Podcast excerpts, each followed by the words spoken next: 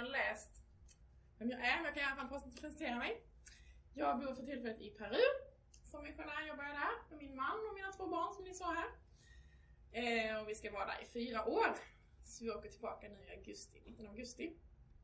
Så det var två år till. Och eh, eh, tidigare har jag själv studerat först till i bibelskola och jag har studerat teologi och jag har gått sjuksköterska också. Jo. Ehm, um, välkommen hit får jag säga i alla fall. Jag ska först eh, berätta, innan jag visar något mer här, ska jag berätta en liten vittnesbörd eller lite om varför jag blev missionär. Um, det här kallet, eller den här kallelsen eller vad man kallar kalla det, den uh, har jag känt igen redan sedan jag var 6-7 år faktiskt. Ehm, uh, lite längre kan man säga då. Och när jag var i den här åldern så var jag på ett missionsföredrag hemma i min eh, hemförsamling eller hemförening. Det var en missionär som eh, hade sprungit, jag vet inte vem det var, jag vet inte vad han snackade om. Någonting, men jag vet att jag skulle bli som han, det visste jag liksom. Så från den stunden så kände, man att, kände jag att Gud ingöt någonting i mig. Som eh, eh, att jag skulle bli missionär. Jag visste det från den stunden liksom. Um, och när jag sagt det här nu så ska vi bara be för stunden. Jag tackar dig himmelske Fader att du är här hos oss just nu. Tackar dig för den här ljuvliga dag. Tack för att vi har fått röra oss i eftermiddag. Alla som fått göra det. Tack för gemenskap. Tack för att du är här på lägret. Välsigna nu det här seminariet, Herre. Du ser varenda person som har kommit hit. Du ser vad vi går och bär på, vad vi tänker, vad vi, vad vi tror på. Um, herre, jag ber att du ska välsigna, att du ska tala till oss var och en här ska bli någonting från dig. Mm. Jag ber om det i Jesu namn. Amen. Okej. Okay. Eh, I alla fall när jag var så här liten då. Så eh, den, här, eh, den här kallelsen har varit starkare och svagare genom åren. Och, men den har alltid funnits där. Den har aldrig försvunnit helt liksom. Och Sen även i min egen tro har ju, jag har ju inte varit utan tvivel i livet. Verkligen inte. Eh, men eh, min tro har verkligen, den, den har ändå stärkts eh, genom att jag själv fått uppleva jobbiga saker redan när jag var 10-12 år. Så var det saker som hände i mitt liv som var väldigt jobbiga och vilket gjorde att Gud, han drog mig närmare honom genom det. Upplevde jag, jag började be väldigt mycket och han förändrade situationer helt fantastiskt. Och jag kände att Gud verkligen var med mig i detta. Ehm, och sen efter, när jag började på högstadiet ungefär, så blev jag med i en cellgrupp. Jag vet inte om alla vet vad cellgrupp är. Det är kan man slags en vänegrupp, samtalsgrupp, gemenskapsgrupp. Om man mixar det så blir det ungefär en cellgrupp. eh, jag vet inte om ni vet vad en cell är? Det är att när man blir för många så delar man sig. Så. Det är väl lite ungefär. Men det säger inte egentligen vad, egentligen, vad man gör egentligen. Men cellgrupp heter det i alla fall. eh, och på gymnasiet så alltså i den här cellgruppen så fick jag lära mig eh, någonting väldigt viktigt. Jag har ju vuxit upp i en kristen familj. Vilket jag har privilegiet verkligen att få göra. Fått göra. Eh, och i den här cellgruppen så förstod jag verkligen att Jesus verkligen är Herre. Han har makt över allting. Och han lever idag, han är verksam idag. Eh, och han kan förändra mitt liv. Och det är värt att satsa allt på honom. Eh, lämna lämna hela mitt liv för honom och följa honom. Det är liksom värt. Det är verkligen värt det. När jag gick på gymnasiet så träffade jag en, eh, träffade en kille, inte så att vi tillsammans med honom, men vi började snacka väldigt mycket. Han är faktiskt här idag. Så ni kan ju se honom live om ni vill. Um, I alla fall, den här killen han, eh, han satte min tro på prov. Han ifrågasatte mig allt vad jag trodde och tänkte ifrågasatte han. Han, i den här stunden var han ju artist, han var liksom väldigt, frågas, eller väldigt intresserad på ett vis. Han ville veta allt. Men han ifrågasatte allt jag trodde på. Och eh, vi hade timmarlånga samtal, både i telefon och öga mot öga. Eh, och efter det så, så började jag få en otrolig, otrolig nöd för honom. Eh, otrolig nöd lag ut mitt hjärta så jag började be för honom. Och jag kommer ihåg att jag började be att han skulle verkligen få ett... Att han skulle känna att det finns en meningslöshet utan Gud i sitt liv. Eh, och sedan så sa han det, ja, eller jag känner precis det här, meningslöshet. Jag bara, åh precis vad jag bett för! Det var liksom kanske, jag bara, jaha, vad jobbigt liksom. Men det var det jag gjorde sen. Han var, han var en ledartyp i sitt gäng. Eh, och folk sa liksom om honom att om han blir kristen så kan ju vem som helst bli kristen. Det var liksom det som många, många tänkte på. Eh, så efter fem års förbön för honom, vi hade samtalat eh, mycket, så till sist så ville han bli religiös. Han ville bli buddhist. Oh. jag kände, ja, så kände jag bara. Eh, har allt det här liksom för ingenting. Men jag visste ändå att Gud, han har makt att förändra. Han har makt, verkligen makt att förändra en människa. Eh, Niklas som han heter, kan jag avslöja hans namn. Han, eh, han ville åka till Indien för att förverkliga sina drömmar, att bli buddhist då. Och då kände jag bara, nu ska jag börja be. Ett land som är fullt med hinduer och buddhister liksom, tänkte jag. Hur ska det här gå? Men jag började be. Be att han skulle träffa kristna människor som tog hand om honom där nere. Ehm, efter ett tag så fick jag, eh, fick jag sms från honom. Elin, vet du vad? Jag har träffat så här jättehärliga människor här nere. Ehm, och alla är kristna! Jag bara, jaha? det var ju precis det jag var för. Eh, och eh, han blev bästa vän med en pastor där nere och sådär. Så det var, eh, efter ett tag så fick jag ett nytt sms som sa Elin, jag vill gå bibelskola. Kan du, har du några råd för mig liksom? Var jag kan gå någonstans? Och jag bara, jag bara grät och grät. Jag kände att det här var verkligen ett verk av Gud liksom. Ett under som han har gjort. För han, han var ganska hård liksom när han, när han inte, när han inte var kristen liksom, man säger. Men... Eh, nu ser jag var här. Och idag så i alla fall är vi väldigt goda vänner. Och eh, han är ju han är själv varmt kristen och har gift med en, en kristen tjej och själv evangeliserar mycket där han bor och, och eh, ja, vill berätta för andra vem Jesus är och vad Jesus har gjort i hans liv. Och det är väldigt roligt att se. Han har också gått bibelskola eh, idag. Så han gick till sist bibelskola också. Mm. Eh, men så själv, själv kände jag, vad har egentligen jag gjort i den här processen? Eh, hur kunde jag göra sån skillnad i hans liv? Och då kände jag, egentligen är det Gud som har gjort allt. För det är han som har gett mig min egen tro. Han har gett mig att tro på honom och stått fast vid det här. Han har gett mig nöden för den här killen. Han har gett mig uthålligheten i bönen och, eh, och även i samtalen. Och många gånger har jag förlorat diskussioner. Jättemånga gånger. Men ändå har Gud verkat i det här hela tiden. Och det prisar jag tackar honom verkligen för. Eh, det har ju verkligen styrkt också min egen tro. Eh, att Gud kan göra det omöjliga möjligt. Och detta stärkte även min kallelse som missionär, kände jag. Ehm, för jag tänkte så här, för det var grymt häftigt att få jobba med det här på heltid. Att få föra människor till Jesus, liksom, det är ju världens grej. Det är ju jätteroligt. Det var ju verkligen min dröm. Så jag provade den här kallelsen genom att åka som volontär till Kenya och, eh, och även som, som sommarevangelist, sommarevangelist jobbade jag uppe i Smögen en sommar. Um, och sen så, det gjorde mig ännu mer övertygad. Det här var ju verkligen jätteroligt. Och sen eh, till sist så, eh, fast besluten i detta då, att jag skulle bli missionär, så började jag studera teologi. Men det var ju här när jag kom hit som min kallelse sattes på prov. Ehm, jag har sett på prova killar faktiskt i, som 20-årsåldern som trodde de visste allt. Nästan. Ibland kan man veta, ja, ah, jag kan tro det när man är 20 år. Ehm, för de börjar ifrågasätta mig, men kan kvinnor studera teologi?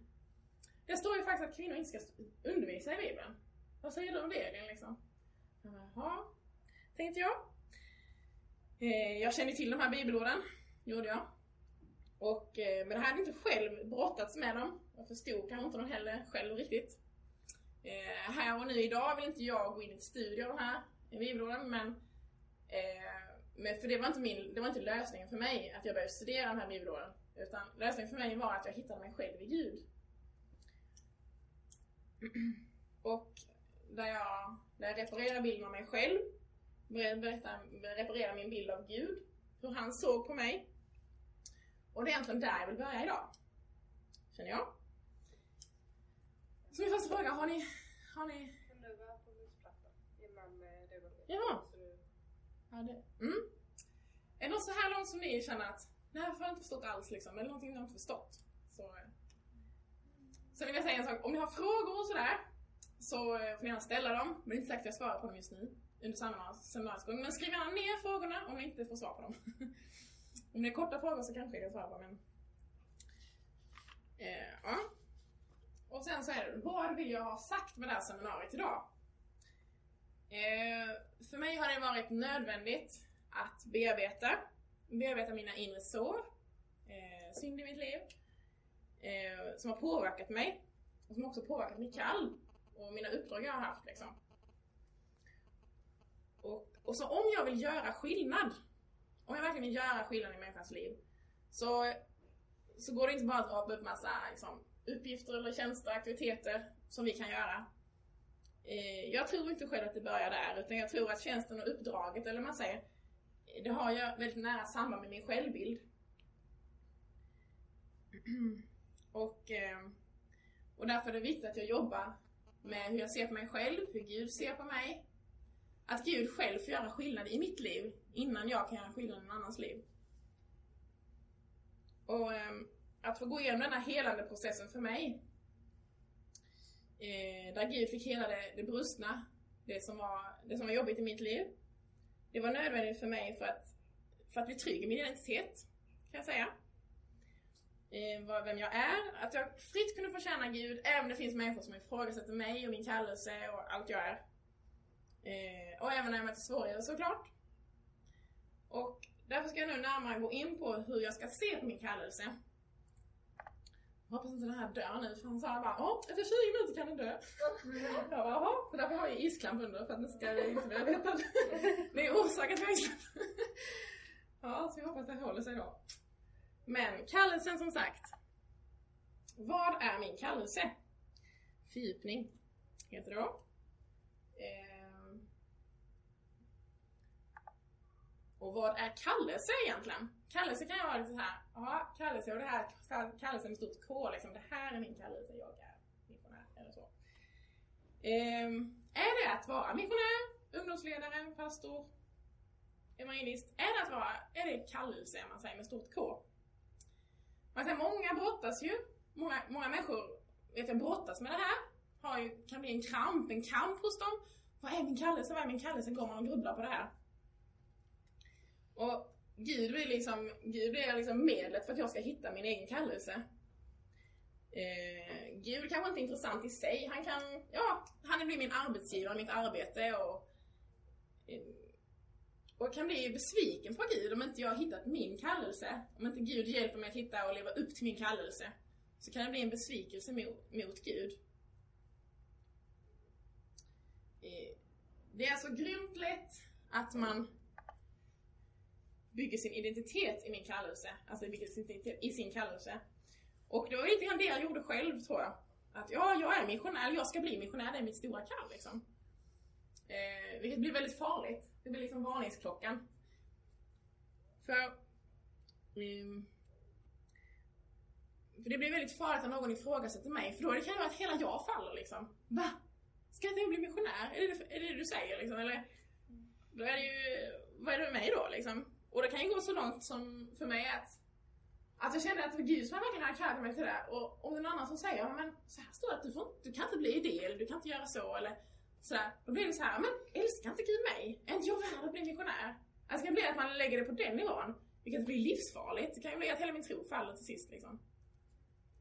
Um, och det är att um, man kan säga, det är så otroligt viktigt att hålla isär kallelse och uppdrag.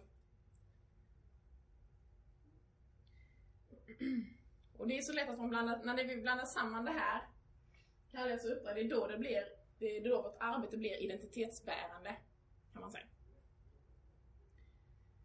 Um, I Guds ögon är jag någon innan jag gör någonting. Det är en väldigt viktig princip. För syndafallets konsekvens, eller syndafallets konsekvens var att vända egentligen, vända på den här ordningen. Att, att, förverkliga, att förverkliga mig själv genom mina gärningar. Det var liksom eh, det, det är så lätt att hamna där, tycker jag.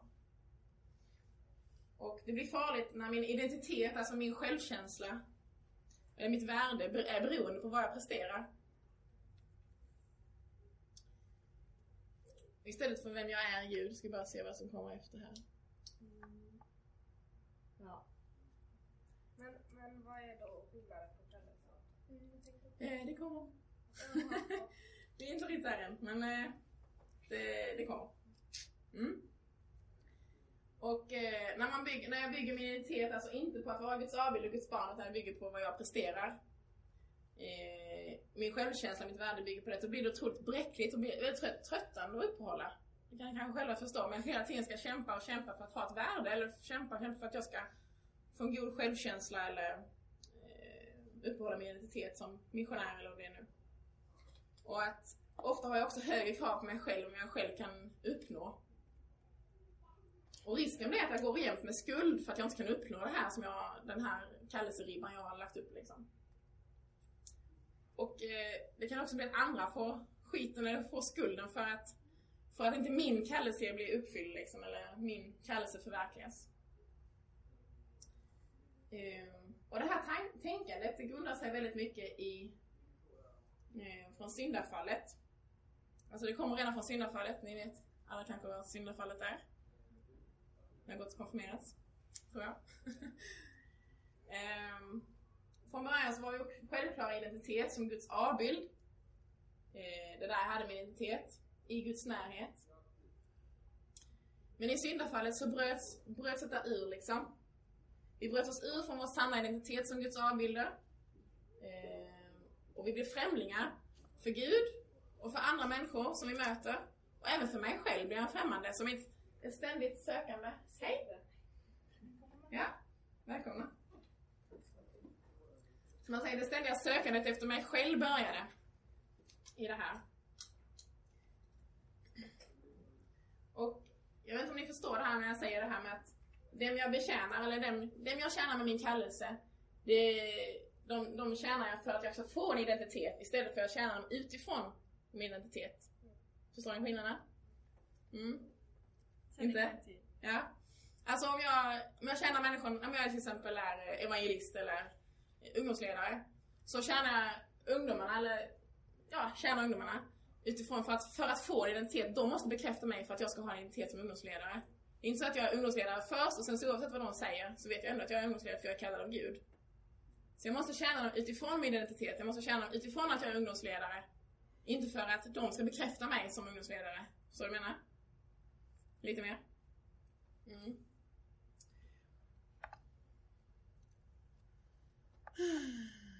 Just det. Hur ska jag tänka om en kallelse?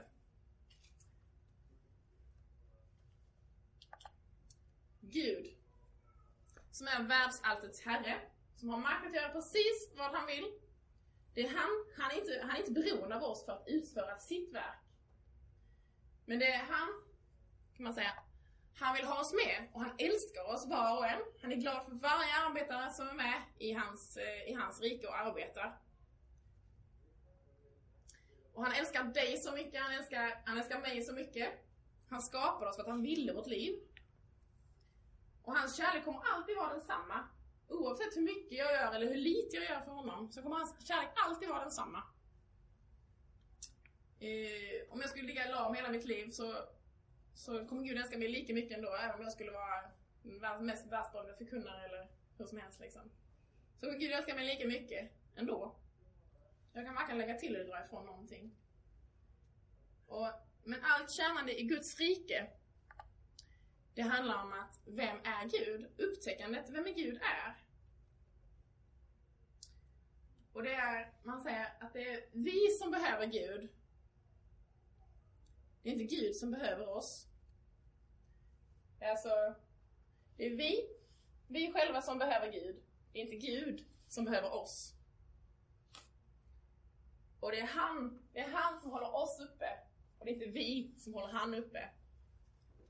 Kan ni inte vara lite snälla nu och ja, stötta upp mig här? Nej, Gud är Gud. Han är, all, världsalltets herre liksom. Han har skapat allting. Han har all, all makt i himmel och på jord.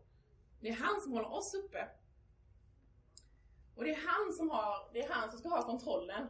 Han är centrum i det vi gör. Och även, eh, nu ska vi se här så inte jag missar något här. Ja, det kommer sen. Ehm, också glädjen i arbetet som, eh, som vi kommer att utföra, eller vi utför. Det frigörs när vi släpper kontrollen över oss själva, över vårt liv, eh, också över andra i vår omgivning, att låta Gud styra över dem. För han, han har även kontrollen över andra människor, de som vi ska tjäna, det är de han har kontroll Han har ansvar för, han har ansvar för dem. Och han har också ansvar för resultatet. Det är det som är så befriande. Det är det som kan ge glädje, tycker jag, i, alltså, i min tjänst att okej okay, Gud, jag gör så gott jag kan. Tack för att du hjälper mig. Eh, om jag inte klarar, jag vet att jag ibland får down och bara behöver slä, få släppa allt liksom bara för att söka honom själv. För han måste ju vara, han måste ju vara fokus. Så vet jag att ansvaret ligger hos honom hela tiden. Och han känner ju mig in i minsta detalj. In i minsta detalj.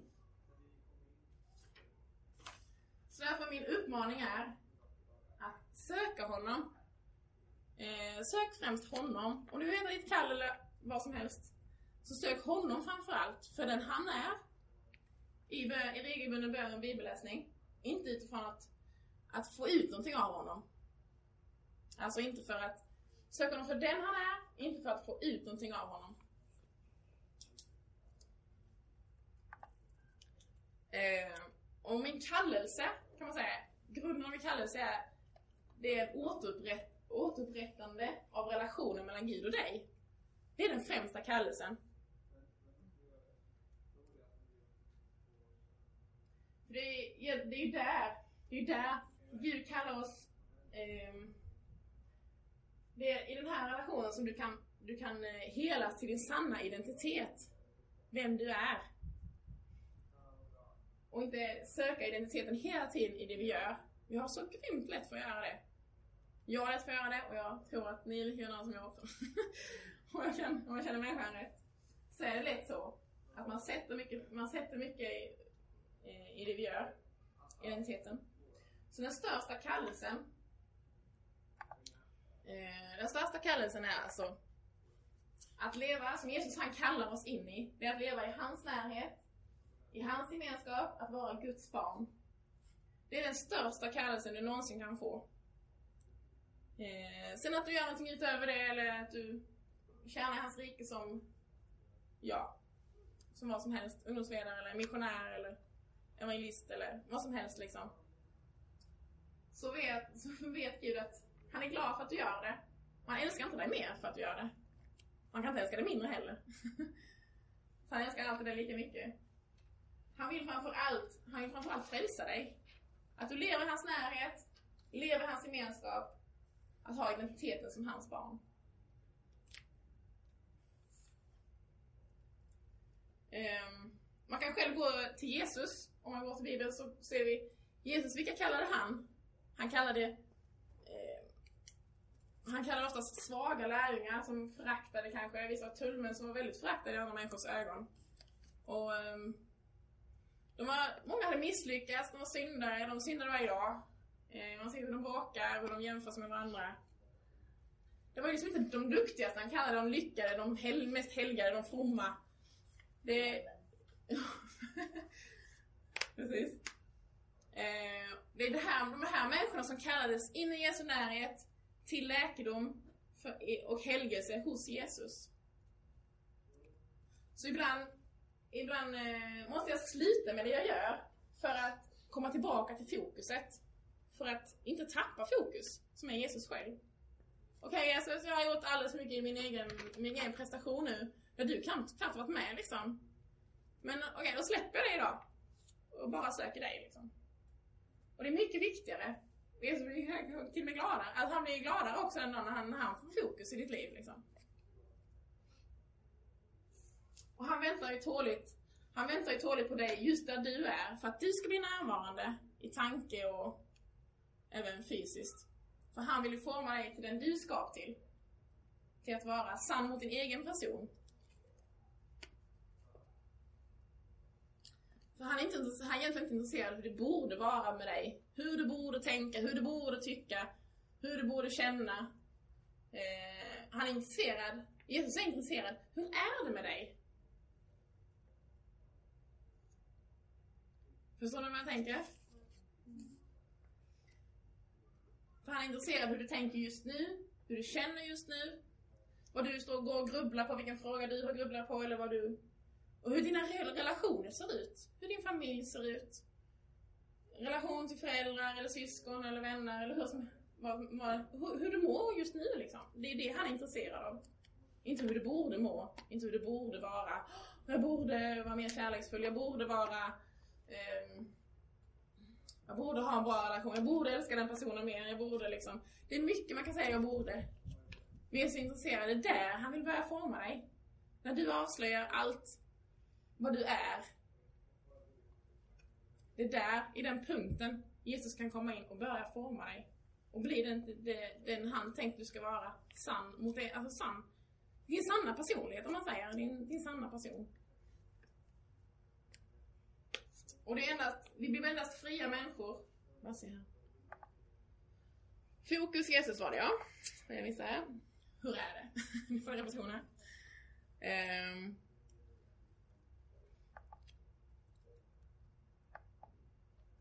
Nu ska vi se.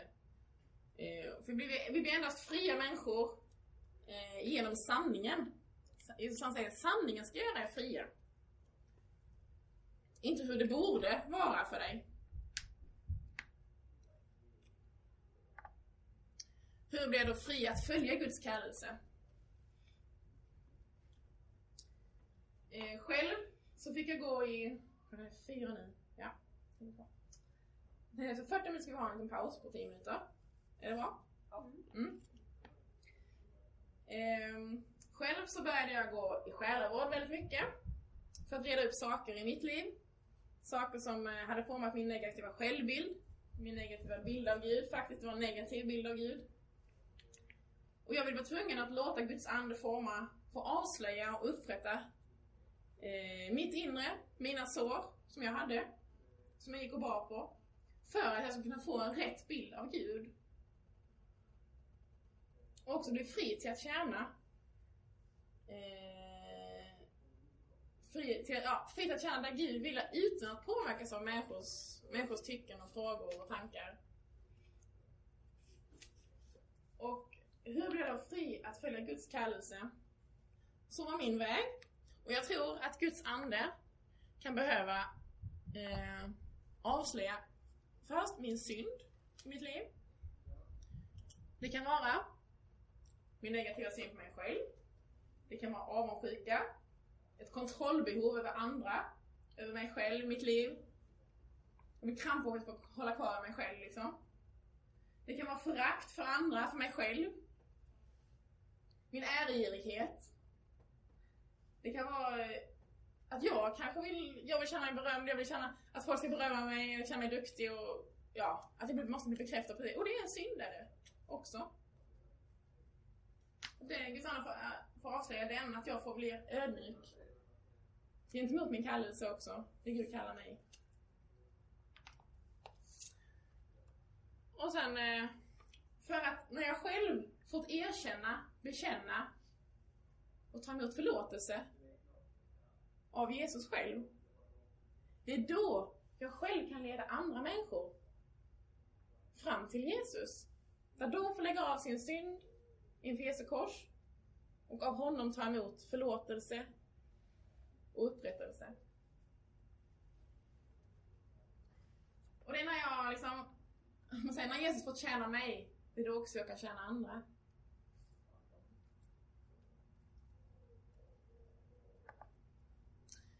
Guds ande behöver hela mina sår. Han behöver sätta fingret på såren och så hela dem. Han pekar inte bara på såren och gör dem ännu mer gräsliga liksom. Men han vill liksom peka på dem och hela dem samtidigt. För vi är inte bara, vi är inte bara syndare, utan vi också utsätts för andra människors synd. Och den här synden som andra människor orsakar eller så, den skapar ju sår. Kan skapa sår i våra inre. Och det kan komma till uttryck i till exempel bitterhet, ångest, depression på olika sätt. Därför är det jätteviktigt att ta fram de här såren i ljuset. Gud, här är, här är jag. Det är så här jag är. Hela mig. Och ibland får vi, ibland behöver vi hjälp av eh, av själavårdare för att göra det. Ibland kan jag ha sår som inte jag vet om. Som omedvetet påverkar mig liksom. Så var det för min egen del. Och, eh, och man säger exempel på sår, eller vad man säger. Kanske låter konstigt, men det kan vara att du inte känt dig älskad, du inte upplevt dig älskad när du var barn. Sviken, övergiven av föräldrar eller annan vuxen som du hade väldigt stort, starkt förtroende för. Det kan vara att du har varit sexuellt, utny- sexuellt utnyttjad eller kränkt på något sätt. Man kan säga eh, sviken och övergiven, vi, kan börja, vi börjar där. Övergiven av föräldrar och annan vuxen. Vad kan det leda till? Det kan ju också det kan ju skada min grundtrygghet. Jag kan inte lita på vuxna längre. Jag måste klara mig själv. Jag litar hellre på de som är jämnåriga, för de, de kanske ändå håller liksom. Men där sviker också folk liksom. Jämnåriga är inte tänkt att vara den vi ska bygga vårt liv på, eller den vi ska, den som ska forma oss, den som ska eh, alltid vara där.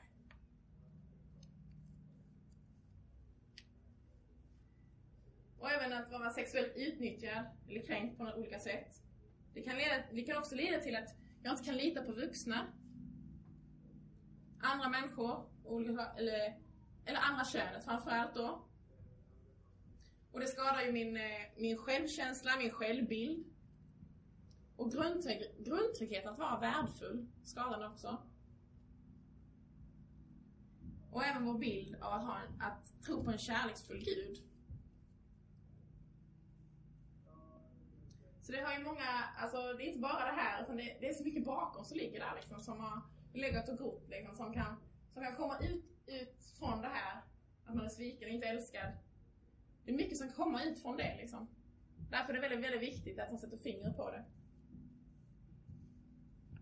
Och även det sista, besviken på Gud. Det kan ju vara att eh, eh, upplevelsen att Gud inte svarar på mina böner till exempel. Om jag har haft en väldigt jobbig situation, om jag har bett för en, en vän eller en familjemedlem hur länge som helst. Jag känner att Gud svarar mig. Den här kanske är död, den här personen. Och Gud svarar inte, Gud helar inte, Gud gör ingenting, upplevs jag som. Och eh, då kan, man bli, då kan vissa människor känna att de verkligen blir besvikna på Gud. Och som jag sa tidigare att vi kan behöva, när det gäller att avslöja synd, att göra hela såren, att själavårdare kan behöva komma in och hjälpa där. Ta fram de här såren som har påverkat mig och som påverkar mig, kanske. Kanske omedvetet och som, eh, som har gjort mig väldigt sårbar för andra människors tyckande och tänkande. Och deras åsikter. Mm. Mm. Slutmål. Ett slutmål. Det kommer jag sen.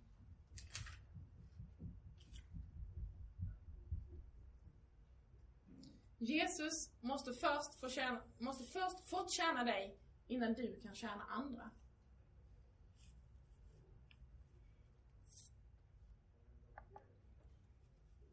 Som det står i Bibeln, vi tröstar andra med den tröst vi själva har fått. I Bibeln står det att Gud är all trösts Gud. Han kan trösta oss i all vår nöd, står det. Skulle ha ett bibelord på det också där, men det finns inte. Det finns här, jag, jag, kan, jag kan kolla upp det sen om ni vill. Eh, och för att vi ska kunna göra skillnad, man säger om vi ska kunna göra skillnad i andra människors liv måste Jesus först fått göra skillnad i mitt liv. Jag tror det är dags för en liten paus. Ta lite kaffe eller något. Jag tror vi tar eh, en paus där. Så går vi vidare sen. Eh, bara kort, är det någonting ni eh, har tankar på, frågor som har kommit upp? Eh, det här förstår jag inte alls, kan vi ta det igen eller? Någonting ni ligger och tänker på? En fråga? Ja, jag tänkte på det här med att, man, med att det står att man ska undervisa Bibeln som kvinna och, och hur man relaterar till ordet i- från Bibeln och hur man litar på att man är kallad från Gud ändå oavsett. För att man ska ju våga prova Gud. Liksom. Bibeln ska ju stå för sitt ord. Och, och, Absolut. Men hur ser man på det? Man, Det är en jättefråga! Så jag vill jag att du skriver ner den. ja, Och så skulle vi kunna ta den efter seminariet, ja. tror jag. Om det är fler som vill lyssna på den frågan så kan man... Ja, jag kan inte ha ett svar eller helt så, men eh, vi kan ju prata om det. Och det kommer mer av det också till sist. Så du kommer få mer kanske klarhet efterhand. Men- på. Mm.